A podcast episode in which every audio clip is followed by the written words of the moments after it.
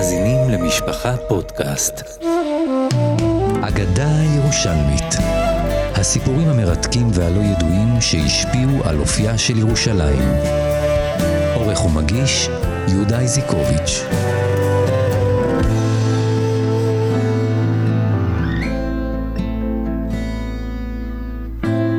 אין בישראל אדם שלא מכיר את חתימת הכשרות של בד"ץ, העדה החרדית. אין כמעט חרדי שלא מכיר את הציבור שנמנה על העדה החרדית. אבל אין הרבה שמכירים עדה חרדית נוספת, זו שנקראת העדה החרדית הספרדית. בני העדה הזאת ברובם מתגוררים בירושלים כבר עשרות רבות של שנים, אך אין להם מוסדות. אין להם סימני זיהוי חיצוניים, אך בראש העדה הזאת עומדים דמויות מפורסמות מאוד. הם לא מאוגדים בקהילות מוגדרות, אך הם מונים מאות ואלפים. על מנת להכיר את העדה החרדית הספרדית, אנחנו משוחחים בפרק הזה עם אחד מבני העדה, הרב יחזקאל מוצפי, ויחד איתו ננסה להבין על איזה רקע העדה הזאת נולדה, מה מייחד אותה, איך היא התפתחה ומה השפעתה על הציבור הישראלי.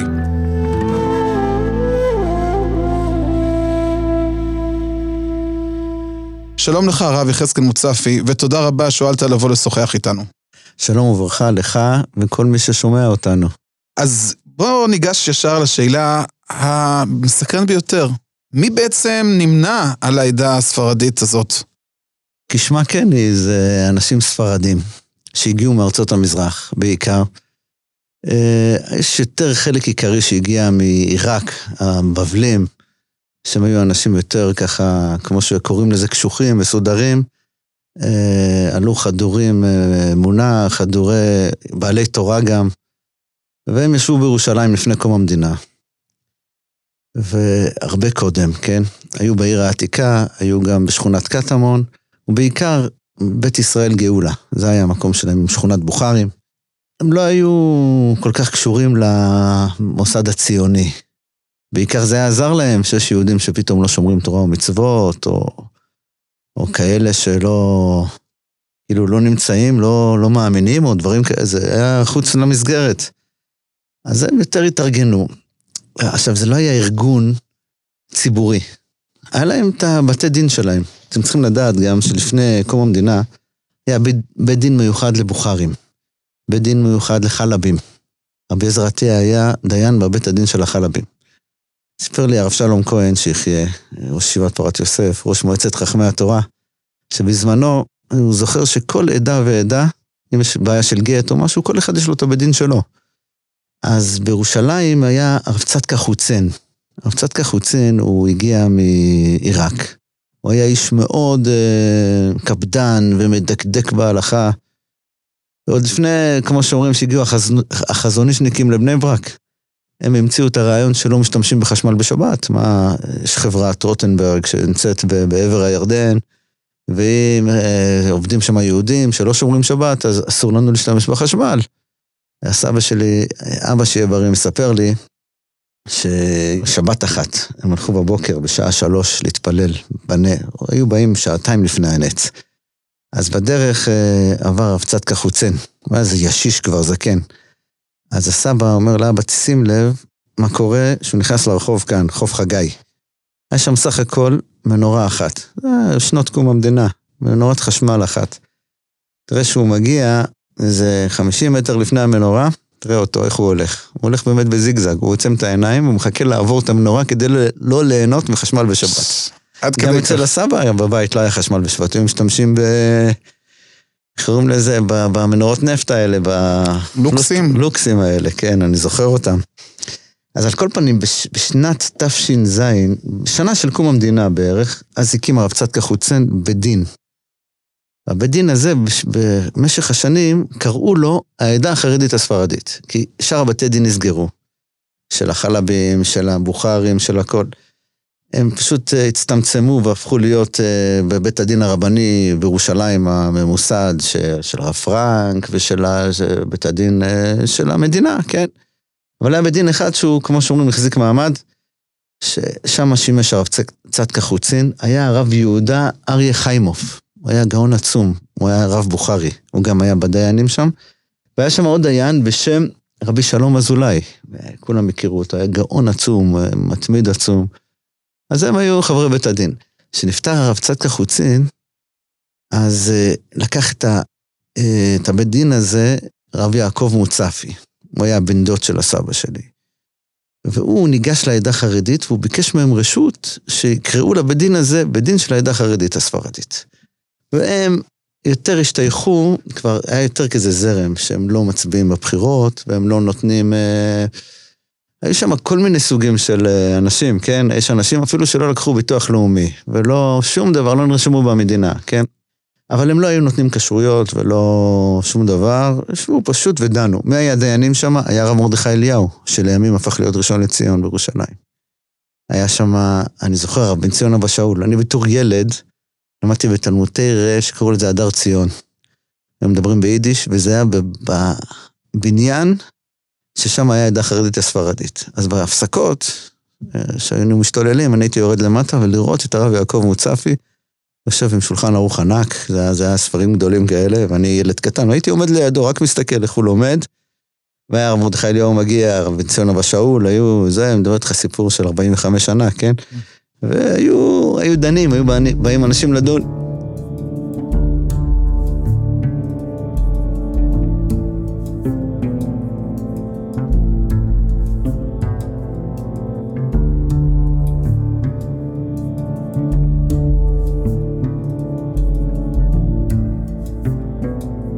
אם אני מבין נכון, לא מדובר פה בעצם בעדה שהיא מוגדרת על סמך אה, מוצא מסוים, אלא על פי איזושהי תפיסת עולם מסוימת. תפיסת עולם, נכון. נכון. למשל, אני אתן לך. אה, היה שם בזמנו, אה, הם, הם לא רצו גם לתת, להקים מוסדות. היה, פעם אחת הם נתנו כן כשרות, זה אחרי שהרב יעקב מוצפי נפטר. אז כבר העדה הזאת כבר אין לה... לא היה לדיינים, לא היה לרבנים, אז העדה החרדית יצאו נגדם. ויצאו נגדם עד כדי שפרסמו במודיע. מדבר איתך בתשמ"ח בערך. פרסמו מכתבים במודיע שזה לא בסדר, ואז מי שיצא להגנתם היה עיתון החומה של הניטוריקרטה. מה לכם נזעקתם, מה אתם זה, תיתנו להם. ו... על איזה רקע היה בעצם המחאה הזאת והתמיכה? הם נתנו אה, כשרות לאיזה מאפייה. כן. תחת כשרות ועדת... בסדר, רבנית הספרדית, כן, העדה החרדית הספרדית. אבל זה לא, זה לא זה מה שתופס את המקום, הבית דין, או ה... פשוט זה תפיסות עולם. אתן לכם דוגמה, הרב יהודה צדקה, שכולם הכירו אותו, הוא היה ראש ישיבת פרות יוסף ונואם בחסד עליון, והיה גם איש שהכל בו, איש האשכולות, כן? ונוסע מעיר לעיר, לא אחד שרק הסתכל על הציבור הירושלמי וזהו. הוא והרב בן ציון אבא שאול, שהיה עמקן גדול בהלכה, הם היו נמנים עם הדבר הזה, הם לא, לא השתתפו בבחירות. הם היו מזוהים, כן, למשל הם הקימו את הרשת החינוך התורנית, מעיין החינוך של ש"ס. זה הוקם על ידי הרב בן ציון אבא שאול והרב יהודה צדקה ומרן הרב עובדיה יוסף באיזה יום שישי אחד ששלושתם התקבצו. זה לא סותר למעשה, שאנחנו, שכן היו שייכים למדינה במשהו, כן, אה, לעם, לדעות האישיות של ה, שלנו, כן? שאנחנו לא מכירים כל כך במוסדות השלטון, לא מצביעים בבחירות, מכל מיני סיבות שהם, כן? כל אחד היה לו את הסיבה שלו, אבל זה פחות או יותר המוטו. זה מאוד מפתיע. כלומר, הרב בן ציון אבא שאול והרב יהודה צדקה, שהיו מזוהים לפחות כ... בעיני הציבור הרחב, מאוד מזוהים עם ש"ס, למעשה לא הצביעו אפילו בבחירות, אבל כן תמכו ב, ביוזמות הציבוריות של ש"ס. ברור, ברור. כן, הרב צדקה, אני אתן לכם יותר מזה. למשל, הרב צדקה, הוא היה יוצא, היה מקפיד מאוד, לצאת להצהרות בכל מיני מקומות, כדי לדבר על החינוך שאנשים ישלחו ילדים לתלמודי תורה.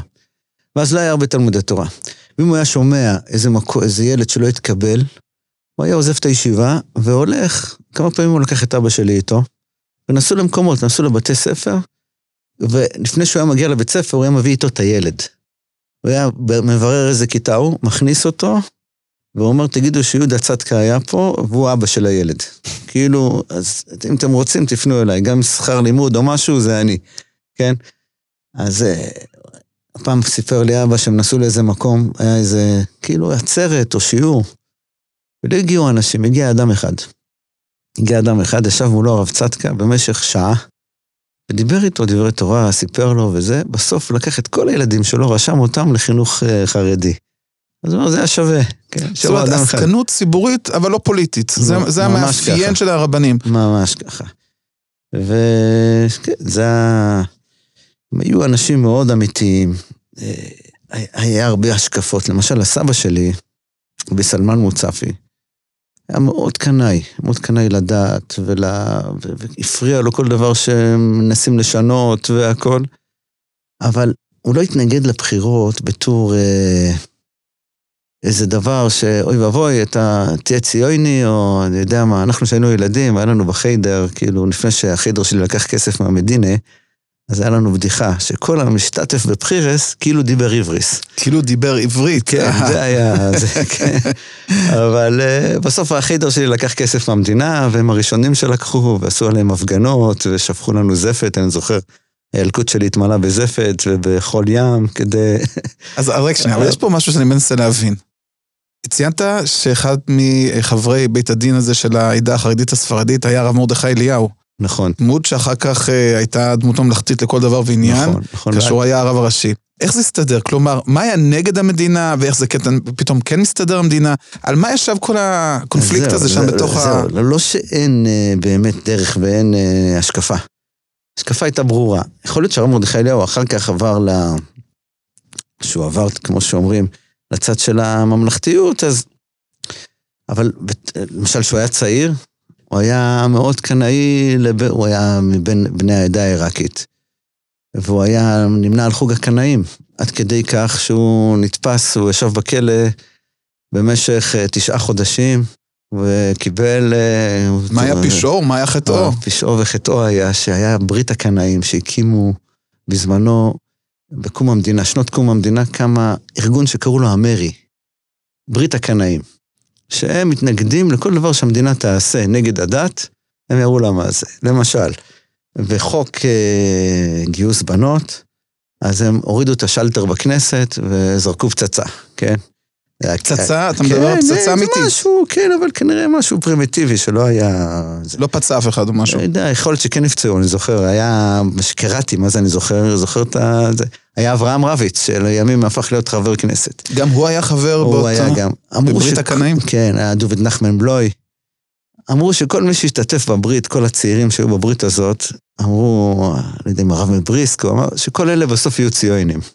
באמת ככה היה. טוב, מי לנו יותר מחבר הכנסת הרב אברהם רביץ, שנמנה ממש על ממשלת המינים. אבל אה, באמת מעניין דרך לדעת, אגב, הם חיפשו אותו משהו כמו חצי שנה. הוא נעלם להם. זאת אומרת, הוא היה מעורב הוא היה באותה פצצה, מעורב, וחיפשו- ועד שתפסו... לא, איך תפסו אותם? תפסו אותם שהיה אמור להיות דיון על החינוך במשרד החינוך. ברחוב הנביאים יש, ב- למטה זה משרד החינוך, בבניין העתיק. אז הם תכננו להצמיד פצצה למשרד החינוך גם. ממש חומר נפץ. והיה, עכשיו זה היה הגבול של ירושלים עם הירדנים. ובאמת אה, טיפס אחד הבחורים על הגדר עם הפצצה, ועוד אחד היה איתו. אה, והם שמו אותה והיא נפלה. כשהיא נפלה, אז היה כאילו איזו חבטה. בדיוק עבר סיור צבאי, כי זה גבול.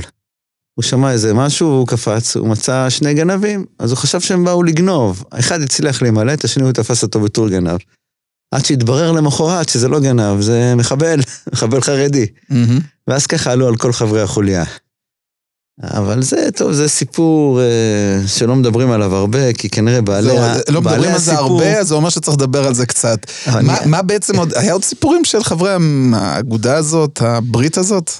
הם, הם כן, כל רכב שהיה נוסע, לא היה הרבה רכבים. הם הי- היו מעמידים בחורים, היו ביניהם גם בחורים מישיבת חברון, אז בזמנו בכיכר השבת. אם היה עובר רכב בכיכר השבת בירושלים, הוא היה מקבל בסוף, אה, במוצאי שבת. אה, אתה מדבר על אה, רכב כן, בשבת. כן, אז היו זוכרים את המספר שלו, היו עומדים בחורים, אז כנראה גם לא היו מספרים ארוכים, כן. או איזה משהו מיוחד.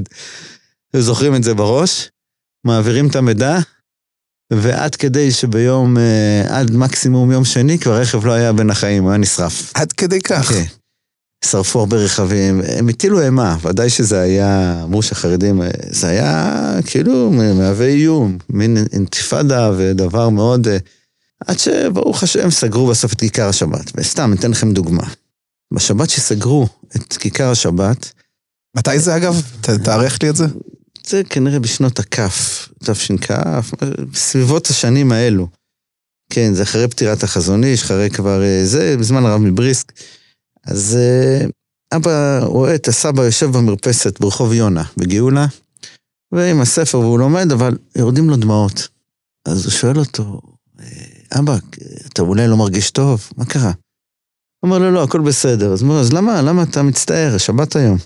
הוא אומר, אני מצטער, היום סגרו את כיכר השבת לרכבים. אז הוא אומר לו, אז צריך לשמוח. אנחנו גרים פה ואין... הוא אומר, כן, נכון צריך לשמוח, אבל אני אבוא לעולם הבא. יגידו לי, חכם סלמן, כל הכבוד לך. אתה זכית שליד הבית שלך לא נסעו בשבת, וככה הכל היה בסדר. אבל שתי רחובות למעלה, מכיכר הדוידקה, היו נוסעים בשבת. וזה היה אכפת לך? התפללת על היהודים האלה, שאולי יחזרו בתשובה? אכפת לך על כבוד השבת? אז כל הכבוד שליד הבית לא נוסעים, אבל מה קורה בשאר המקומות?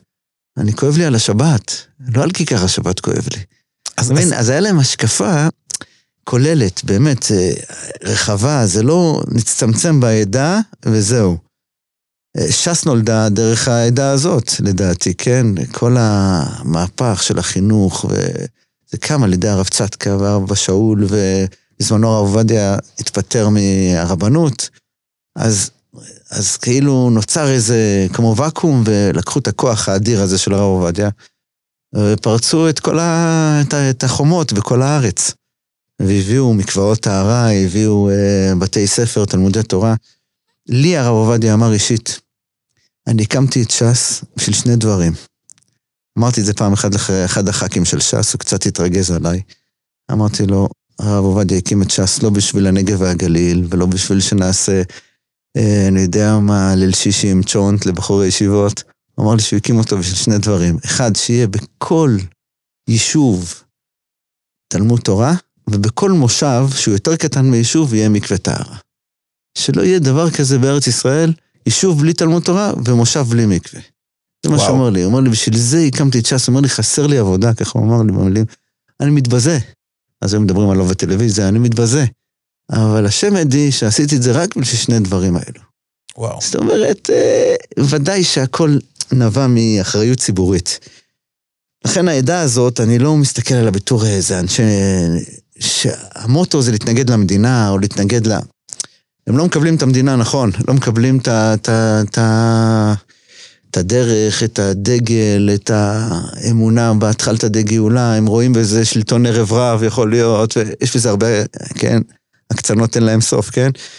אבל בסך הכללי, על האנשים מסתכלים בתור יהודים, בתור יהודים שצריך אותם, שצריך להתפלל עליהם, צריך לעזור להם. זה נקודה שאין אותה כל כך אצל האשכנזים, יכול להיות, היא נמצאת אצל כל. אצל כל יהודי, אחריות, כן?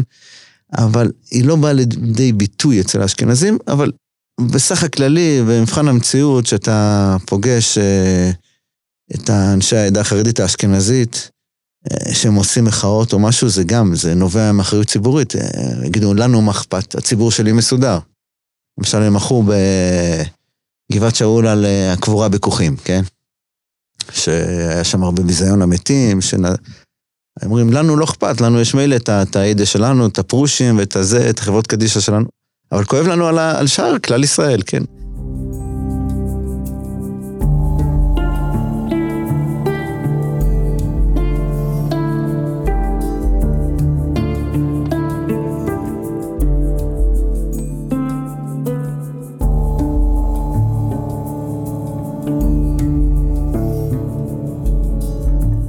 אומרת, אם, אם אני מאפיין את העדה החרדית הספרדית, את צורת החשיבה, הייתי אומר שזה התבדלות ואכפתיות. אמת, בדיוק. זו ההגדרה. הגדרה מצוינת הגדרת. אז לצד זה שהם כאמור היו מחמירים גדולים בנושאים הלכתיים, כמו שאמרת, הם לא משתמשים בחשמל בשבת, לצד זה שהם התבדלו מההתנהלות המדינית, כלומר, הם לא הצביעו בבחירות וגם חלקם אף לא קיבלו או לקחו כספי אה, ביטוח לאומי. יש עוד דברים שמאפיינים את הקבוצה הזאת היום כ... אתן לך דוגמה, הסבא שלי למשל, הוא גם לא, הוא לא היה לוקח כסף אה, ביטוח לאומי, דמי לידה, אז היו מקבלים אה, סכום יפה. הוא היה מחזיר את זה. אז היה אפשר להחזיר, היום לא יודע אם אפשר להחזיר. כן, אם נותנים לך תיקח ודאי, כן? אבל הוא יותר התבדל בכיוון אחר. למשל, היה, יש עוד השקפה, וזה נראה לי שזה גם מאפיין הרבה היום את ה... הרבה אנשים אה, ספרדים. הם טענו, הסבא ככה טען כל הזמן, שברגע שאתה מתחבר לשלטון, ובשלטון יושבים אנשים שהם לא דתיים, אז uh, אתה נהיה חבר שלהם, זה לא יעזור. עכשיו, וזו הסיבה גם שהאשכנזים אף פעם לא נכנסו לקואליציה. עד השנים האחרונות, עד זמן של הרב שך, וקצת אחרי, לא היו נותנים שיהיה שר בממשלת ישראל. למה? כי ברגע שאתה שר, אתה אחראי, ואתה חבר, ואתה ועדת שרים, ואתה מחליט במדינה. ואותך שלחו בתור שלוחי דה רבונון, שמה תעשה? שתשמור על הדת, תביא עוד כסף לישיבות, תשמור על החינוך החרדי, ותביא ותעשה, תדאג לדת, ושלא יהיה פריצות בחומת הדת, כן? שלא יהיה חילולי שבת, ולא יהיה פריצות, ולא יהיה דברים כאלו. אבל ברגע שאתה נכנס לוועדות, ואתה מנהל את הוועדות, אז אוטומטית אתה מנהל את המדינה. אתה מנהל את המדינה, אז אתה נהיה חבר עם החילונים, ואתה אוטומטית יכול להתקלקל גם. ולהתקלקל, הסבא טען שהקלקול העיקרי זה שכסף. כסף וכסף, בסוף יפיל את האנשים לתאומות בצורה אישית, את הפוליטיקאים ואת הציבור, שימכרו את הכל תמורת כסף.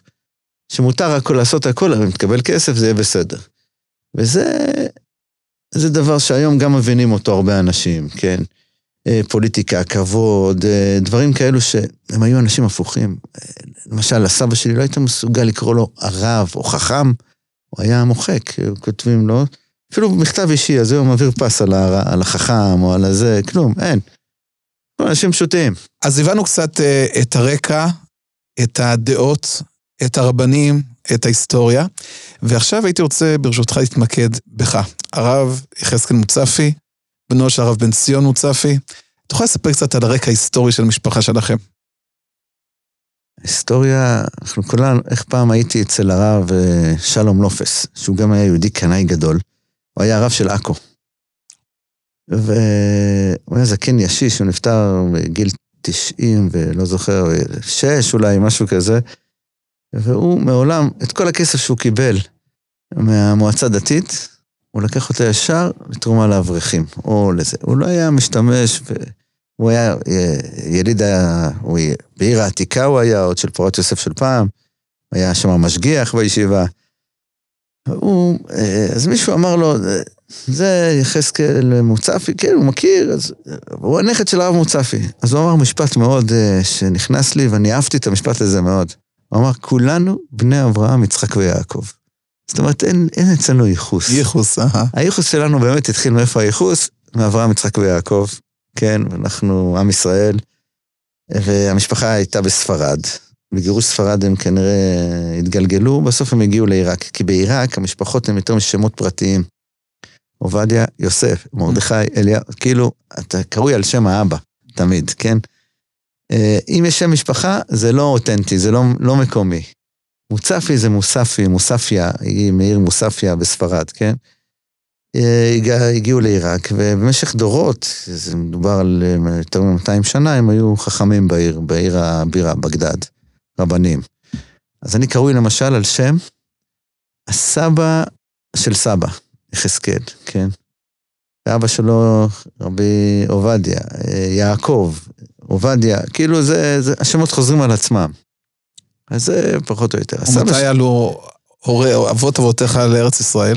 אז הסבא שלי עלה לארץ ישראל. הוא שימש בתור... אה, אז ככה, הם היו יתומים. הוא הגדול בבנים. ואבא שלו נפטר, סבא של אבא, נפטר בגיל מאוד צעיר, 58, הוא עשה ניתוח שבר, וכנראה זה לא היה כל כך אה, מוצלח אז, והוא נפטר. הוא היה גם חכם גדול, ו... אז הוא היה צריך לפרנס את המשפחה. נפל על הסבא, כי הוא הגדול בבנים. הוא היה איש פיקח מאוד, בחור צעיר אומנם, והוא שלט בכמה שפות, הוא ידע אנגלית, צרפתית. אז הוא הלך לשר האוצר, שר האוצר הזה היה יהודי בשם מנחם דניאל, הוא ביקש ממנו עבודה, אז הוא לקח אותו למשרד אצלו. אז שמונה שעות הוא עובד, שמונה שעות הוא לומד, רצוף, כן? נשאר לו שמונה שעות לתפילה ולשינה ולאוכל. אז בשמונה שעות עבודה, הוא התקדם מהר, הוא נהיה ראש המשרד. הוא ניהל, הוא היה מנכ"ל. עד כדי כך שעשו אותו בסוף, אה, קנו לו אפילו מתנה רכב, שזה וואו. היה, היה שלושה רכבים בעיראק. כן. זה- היה משהו מאוד... אה, אבל סבא עזב את הכל, שהוא התארס, הוא- הוא קבע עם הסבתא שלי, שהיא אה, הייתה בת דודה שלו. והיא אמרה שהוא מעולם לא הסתכל עליה בתור בחורה, מעולם. היה איש, באמת, היה אנשי פלא, אנשים... היה שם הרבה קדושה בבבל. סיפר לי הרב שלום כהן גם, שאבא שלו, מגיל בר מצווה קיבל על עצמו לא לראות פני אישה. עד כדי, הם היו אנשים אה, מובדלים, אנשים אה, של קדושה, של אה, אנשי קבלה אמיתית, לא, לא עשו עניינים, שום דבר, אבל שמרו על עצמם מאוד. באיזה שלב הם עלו לארץ? בתש... שנות הצדיק, כן, תר"צ. זה ש- 90 שנה ומעלה מעכשיו, מהיום, והוא קבע איתה שברגע שהוא עוזב את מתחתנים, אז עוזבים את המקום, והוא הולך, מקדיש את כל חייו רק לתורה. זה לא שמונה שעות ושמונה שעות, זה 16, ש- כן, זה 24 שעות של זה. באמת כך היה, הם התחתנו, ביום האחרון של השבע ברכות, הם עזבו את עיראק. הם הגיעו דרך חלב, ל... היה רכבת מסוריה לטבריה. הוא ירד בטבריה, היה יום שישי, הוא מהר התארגן באיזה אכסניה, קנו דגי מושטים, עשו אותם על הפתיליה, הגיע בנץ לבית הכנסת, היה פרשת והיה כי תבוא אל הארץ.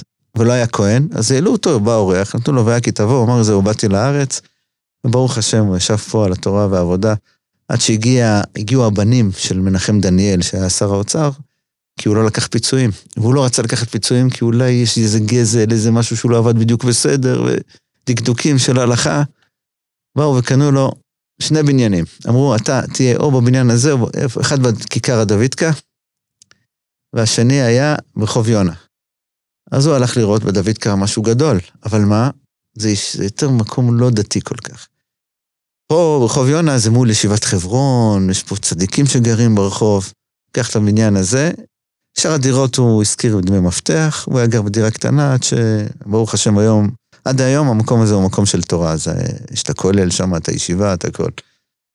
אז זה הסבא, אבל כל חייו נטו תורה, ובעוני גדול, עוני ומחסור. למרות הדירות, למרות הכל. כן, לא איזה דירות, זה היה דמי מפתח, ואז אה, היה חוק שנתן את הדירות ל... דיירים? כן, ולא היה, זה לא זה. היה גר- מה הוא עשה כדי להתפרנס? הוא לקח בית הכנסת בשם אוהל רחל, הבית הכנסת הגדולה של בני אה, העדה הבבלית, והוא היה הגבאי של, של הבית הכנסת. עכשיו, גבאי זה לא רק מוכר עליות, זה צריך לדאוג, כל שבוע מחליפים את כל הפרוחות, ואת הריפודים בבית הכנסת, את הסמך... היה משהו, היה לו בנות גדולות, אז הם היו מתפקדים, והיה לו חדר בבית הכנסת. בחדר הזה הוא היה יושב כל השבוע, בשבת הולך הביתה. יושב, לומד שם כל השבוע, וגם את השיעורים הוא נותן. אז הוא הרב, והוא הגבאי, והוא הכל, כן? אז... זה... ובבית הזה גדל בעצם אביך. כן, אבא שיהיה בריא. זה היה מאוד, אה, החינוך של פעם היה מאוד קשוח, לא כמו היום. אין אה, מצב, אבא בגיל כבר אה, חמש כבר קרא שוטף, הוא הגיע לסיפ... היינו לא מזמן אצל הרב שלום כהן בפדיון הבן, אז הוא אמר, אתה באת בגיל ארבע לכיתה, כולם היו בגיל שבע, שמונה, הוא היה מורה, הרב שלום כהן. כבר אתה יודע לקרוא, אתה כבר הכל, לא היינו צריכים ללמד אותך. וזהו, זה...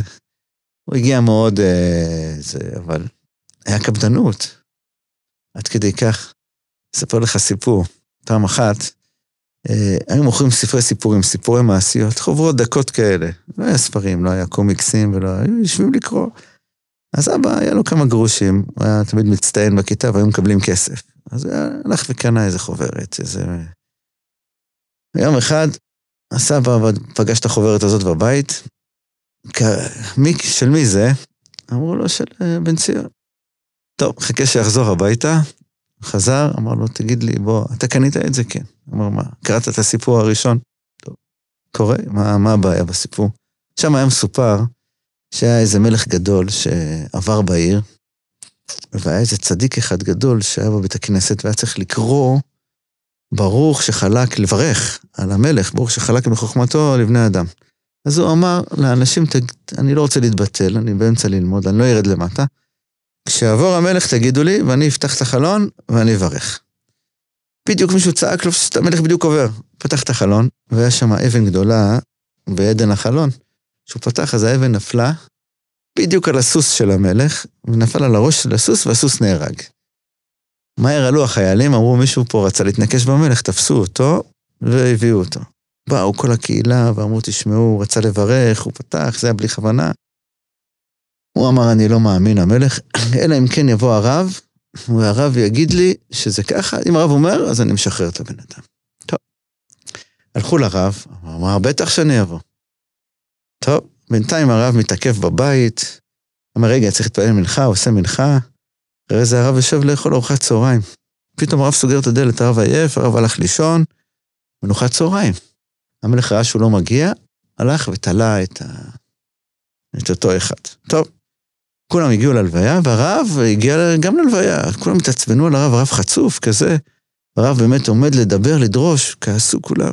הרב אמר, תדעו לכם, שהבן אדם הזה הוא ידיק צדיק וקדוש, אבל הוא הראשון שזרק את האבן על זכריה הנביא. בגללו נהרג זכריה הנביא. ולכן אני חיכיתי והמתנתי, וזה התיקון שלו. זה הסיפור. סבא לקח את הספר הזה והשליך אותו ברצפה. אמר, תשמעו, אני מקובל. אני למדתי שאר הגלגולים, אני יודע הכל, כן? אף פעם הוא לא התבטא ככה. הוא אומר לאבא שלי, תדע לך, זה הרב הזה או רוצח, או שקרן, או שבעל המחבר עשה את הסיפור, השקרן גם, לא היה סיפור כזה. ולמה? כי אין דבר כזה על סמך קבלה, לא תעמוד על דם רעך, להפקיר מישהו, להרוג מישהו על סמך דבר כזה. זה דבר שאין אותו ביהדות ולא יהיה אותו. ועל סמך חלומות ודמיונות, אנחנו לא פוסקים פה, אנחנו בעולם הזה פוסקים כמו העולם הזה, לא. אז תבין, היו אנשים, אנשי אמת, אנשי... אנשים חזקים מאוד, שאין להם... אה, לא לקחו משהו מ... יודע מה, מסביב העולם, או סגולות, או כל מיני דברים כאלה. מאוד לא. מקורקעים, מאוד מחוברים למציאות. מאוד, מאוד, מאוד, מציאותיים. אה, אבל מה, שיש צרה לעם ישראל, מתפללים, צמים. אה, הוא הקים ישיבה בקבר רחל. אנחנו מדברים על הסבא. הסבא, כן. לפני קום המדינה, עכשיו תבין, זה בלי לאסוף כסף לישיבה, בלי 1-800, בלי 1-900, כלום. היו באים 50 איש כל לילה, ב-12 בלילה, מתאספים בשנלר, אתה יודע, בגאולה, שם היה מחנה צבאי, עולים למשאית, והמשאית נוסעת לקבר רחל. היו 50 איש נוסעים לקבר רחל, שהיה, אפילו שהיה עוצר בירושלים עם הבריטים, היו מתירים למשאית לעלות לקבר רחל. פעם עצרו אותם, אבל הם היו באים לקבר רחל בחצות, יושבים, לומדים עד שעה לפני עלות השחר, עושים סליחות, עושים בחיות, וכל זה תקופה של השואה. פעם היה שם האדמו"ר מגור, ואמר שאם היה כזה דבר באירופה, הוא בטוח שהיה עוצר הכל. הם היו באמת מדאגה, לא מתוך זה. הם שמעו שרומא אמור להגיע צבא הגרמנים, שלושה ימים היו בצום.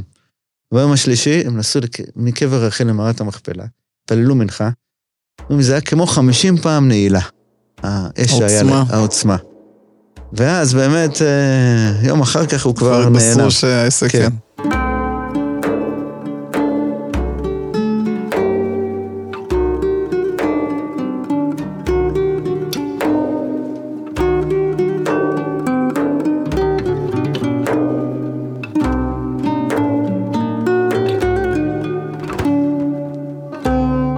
בבית הזה בעצם אתה גודל, ובהגיעך אל פרקך אתה נושא את ביתו של הרב עמאר. רב שנושא בתפקיד ממלכתי מאוד, אה, רב ראשי של ירושלים. כשהתחתנתי הוא היה דיין בפתח תקווה. כן, או בבאר שבע, סליחה, לפני פתח תקווה. וידעתי שהוא אמור להיות, הרב עובדיה אמר לי, זה איש גדול, איש קדוש, איש צנוע, ככה אמר לי. ובאמת ככה, ענוותן גדול, אה, לא... הוא הגיע ממרוקו, הוא עצמו עלה ממרוקו. וכן, זה לא סותר. אתה, אתה שואל איך זה אני, שאני לא מצביע בבחירות, ואני נשוי עם הרב עמאר. אז אני אגיד לך, פעם אחת ש... שבאתי אליו, אחרי שהוא נבחר להיות רב ראשי, אז הוא התחיל לצעוק, איפה פה הביטחון, איפה הלחצן מצוקה? אמרו לו, מה קרה? הוא אומר, הגיע פה קנוי, ואתם נותנים לו להיכנס פה לעבור את כל הדלתות. והנה למרות הפער האידיאולוגי, אפשר להגיד, למרות שככל שדיברנו פה היום זה לא נשמע כזה פער גדול, כן. אבל מה שכן קורה זה שבמסגרת דווקא של העיסוק של חמיכה, אתה מוצא נישה ייחודית, שבה אתה מבטא את האידיאולוגיה המשפחתית הזאת של אכפתיות ודאגה לציבור. אני מבין שמשהו קרה שם בשנת אה, אה, תשע"ו, 2006, אה, משהו במשרה של... ס"ו. כן. ס"ו. ומה קורה שם? תספר לנו קצת מה היה שם בנוגע למשרד הדתות. התבטל אז. אה, אז היה אריאל שרון, הוא סגר את המשרד. ואחרי שהוא סגר את המשרד, אז היה הרבה פרויקטים של מקוואות שנתקעו. אני בדיוק הייתי מלמד בכולל הלכות מקוואות. ובאנו וראינו כל כך הרבה מקוואות וסגורים על מנעול בריח, חדשים. כמו, כמו שאומרים, מהניילון ולא עובד. והיה אכפת לי, אז שאלתי. הייתי מסתובב בסיורים עם טהרת המשפחה. אמרו לי, זה סגור כי חסר כסף לקבלן. אמרתי לו, אבל כמה חסר? מה יכול להיות? התקשרתי לקבלן, זה היה פעם ראשונה, היה בקצרין. אמר לי, חסר, חייבים 17,000 שקל. בשביל 17,000 שקל המקווה לא עובד. תגיד, היום זה כמו 25, כמה יכול להיות? כן, 30,000 שקל. אז אה, טוב, בבוקר פגשתי איזה חבר בשטיבלח שהוא צרפתי, ובדיוק אמא שלו נפטרה. אמרתי לו, תשמע, חסר שם. אמר לי, מה הבעיה? הוא הוציא צ'ק, רשם 20,000 שקל. הוא אמר, תפרוט אותו, תיקח שם עוד דברים, תקנה למקווה, נפתח את המקווה.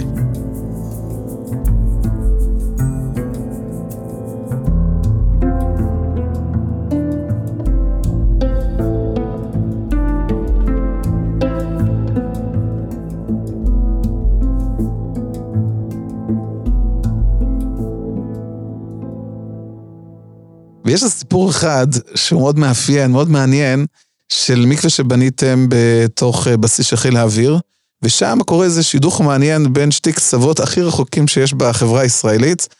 תספר לנו את הסיפור הזה. אז פה היה מקווה בחיל האוויר, ש... בסיס חיל האוויר בעובדה. שים לב, עובדה זה בתוך הערבה, אבל הוא יותר מערבית. זה שעה נסיעה לאילת, שעה וחצי מצפה רמון, אבל מיישוב ספיר בערבה, שיישוב ספיר הוא בערך 20 דקות אחרי ים המלח, עד אילת אין שום מקווה. זאת אומרת, הערבה באמת יבשה. ואז אני עשיתי חשבון לא רק של הבסיס, אלא של המקום. שברגע שאני אדחף באמצע הערבה מקווה, אז אולי זה יעזור לעוד. ואמרתי, אם אני נכנס לזה, שיתקשרו אליי מהבסיס, אז יהיה בתנאי שישתמשו בו גם... אה, הציבור מסביב. והאמת שבאנו לשם היה כאילו, קשה, כמו שאומרים, כי שבע שנים קודם דיברו על מקווה. וקדם לזה שבנו מקווה בחיל האוויר בארצות הברית, בשביל משפחה אחת שגרים בבסיס. יהודי אחד שגר, ושלא בנו מקווה. אז אמרו למה שלא פה נבנה? אז uh, באמת, פנו, גרים שם איזה 100 משפחות, או 140 משפחות. אז שפנו, אמרתי, אני אסע, נבוא. כשבאנו לשם, היה שם ישיבה כזו, ישבו שם איזה אולי 20 איש בישיבה. כמה אה, נשים, אולי ש... שני נשים, והשאר גברים. נכנס המפקד, כולם עומדים, כאילו איזה הגיע הרב גדול, והדרת פני זקן. איזה בחור צעיר ככה בן 45, משהו כזה, פייטר כזה, מפקד, אשכנזי, נראה, אתה יודע, לא קשור לשום דבר.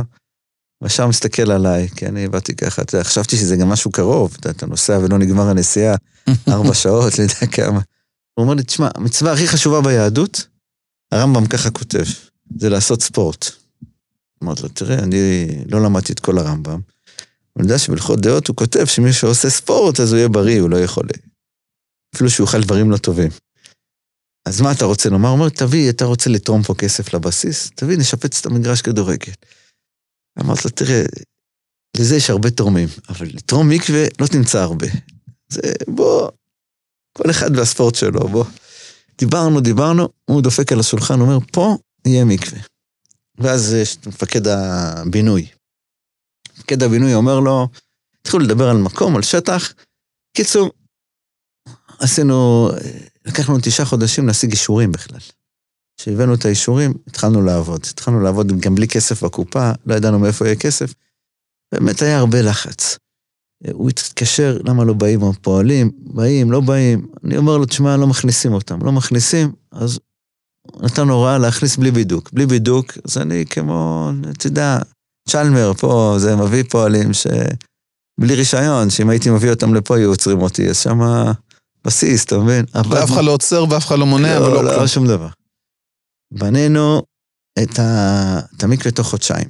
עכשיו, לפני כן קדם לזה פרשת הגיור.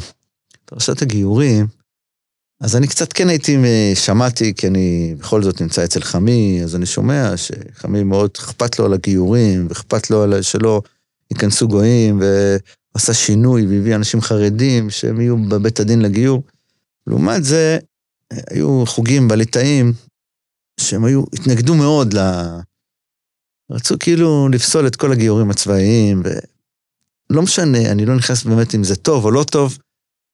היה אמור להיות איזו הפגנה גדולה ל... כאילו, הפגנה נגד הגיורים בנושא הזה? הצבאיים בנושא הזה, ובעיקר, הם כיוונו את זה, חלק מהחוגים הליטאים, על הרב עובדיה. אז אני הגעתי לבית הדין של העדה החרדית. חיפשו מישהו שלמה לא לעשות את ההפגנה. כי אמרו להם שזה לא טוב, זה... אז קראו לי. כי עוד פעם, אני חוליה שיכול גם אצל ספרדים, גם אצל הש"סניקים, וגם... הגשר שמחבר בין... הגשר, וגם אני דובר יידיש טוב. אז אה, אריה דרעי התקשר אליי, אמר לי, תלך אתה. אמרתי לו, תבוא איתי. אמר לו, אני לא יכול לבוא. אז מי כן? אמר לי, תיקח את הרב אלבז, תיקח את הרב... אה, אה, אתה יודע מה, טוב, נסעתי, לקחתי את הרב אלבז והרב צדקה, משה צדקה, ונסענו לבית הדין של העדה החרדית, מוצאי שבת, והיה שם דיון גדול. ומישהו צועק, היו שם מתנגדים, אחד אמר לי, אבל תשמע, ישבו שם את כל הדיינים, כולם עם שטריימל, מוצאי שבס, עם, עם המקלות מזהב, מכסף, זה נראה רציני, ואני עומד וטוען, אני אומר להם, תשמעו, לא, אה, אין פה מחלוקת בהלכה, יש, אין פה מחלוקת אפילו בהשקפה. יש פה כנראה אי הבנה. אף אחד לא ילך להגיד על גוי שהוא יהודי. הוא צריך לדעת, תלכו, תעשו מעמד קריאה, כמו, זה לא עכשיו כמו הסיפור שהיה עם האח והאחות וכולי. בקיצור, אז אה, אחד אומר לי, אבל בצבא כולם גויים. אמרתי לו, למה אתה אומר כולם גויים? בצבא, בשבת, הכל עובר לפלטות, אין חילול שבת בש... אומר לי, ו- ואמרתי לו, יותר מזה אני אגיד לך, אני בצבא עכשיו, בואי נטור את המקווה, אני בונה עכשיו שם המקווה. אז הוא אומר לי, לא מרזן, אני רוצה לראות. אמרתי לו, בסדר, אני אקח אותך. אתה לוקח אנשים בקיצור. מתוך בית דין של העדה החרדית לסיור בבסיס של חיל האוויר. לא מרזן. של צה"ל. של, כן, אז עברו שבועיים, באמת התבטלה הפגנה, גם תיאמנו את זה עם הבית של הרב אלישיב. אני אישית הייתי אצל הרב אלישיב. הבאנו גם מכתב מהרב עובדיה, איזה משהו שאנשים לא יודעים, הרבה זה. באמת לא היה שום מחלוקת, שום דבר. הצלחנו, כמו שאומרים, לכבוד את המדורה. הרב שטיינמן היה איש אה, חכם מאוד, שהוא כן, הוא אמר שהירושלמים יסתדרו בסוף. באמת, הגענו, הג- לקחתי אותם, אה, לקחתי איתי שלושה אנשים, כן, ואנחנו היינו עוד כמה, ונסענו באוטו, וזה לא נגמר. הגענו לבסיס, בבסיס, אנחנו מציגים את התעודות, אז אני רואה שהם לא חוזרים עם התעודות זהות. אז אני נכנס לביתן של ה... אני אומר להם, מה קורה? אני רואה את כולם צוחקים עם התעודות, צוחקים. אמרתי להם, מה קרה? אמרו לי, תשמע, נכנסו פה סודנים, חדרו לבסיס. הכל, ראינו פה את כל סוגי האנשים, אבל זברות בבסיס, פעם ראשונה שיש פה זברות. אז טוב, הכניסו אותנו, דבר ראשון הלכנו לבית הכנסת, התפללנו מנחה, ראו שיש פה ברוך השם. חיילים, שומרי כן, תורה הלכנו ומצוות. לבית של ה... כל העדה החרדית, הכל, אכלנו דגים, הכל היה... כל הכשרות של העדה החרדית. אכלנו שמה, ומשם הלכנו למקווה, בדקנו את המקווה, ואז הגיע מפקד הבסיס. הוא אומר, תשמעו, לראות אתכם פה בבסיס, שאתם ה- למעשה הסמל שמתנגד למדינה, כן? והצבא זה הסמל של המדינה. הסימן שיש פה משהו יהודי אמיתי שמחבר בינינו, וזה המקווה. אמרתי לו, נכון, זה מקווה ישראל השם. תשמע, עם סיפור כזה, אני חושב שאין אה, טוב יותר מאשר אה, לסיים את הפרק הזה, אה, שמשקף יותר מכל את החיבור בין הקצוות, וזה באמת התפקיד שכנראה העדה החרדית הספרדית עושה בצורה כל כך מיוחדת ומעניינת. אז למדנו קצת אה, על העדה הלא מוכרת אך המשפיעה הזאת, וגם שמענו דעות מעניינות שלא כל כך הכרנו, וכך גם אה, הגענו לסיום של הפרק הזה. אז תודה לרב יחזקאל מוצפי, ותודה לכם על ההאזנה, ואנחנו מזמינים אתכם להאזין לפרקים הנוספים של הפודקאסט אגדה ירושלמית.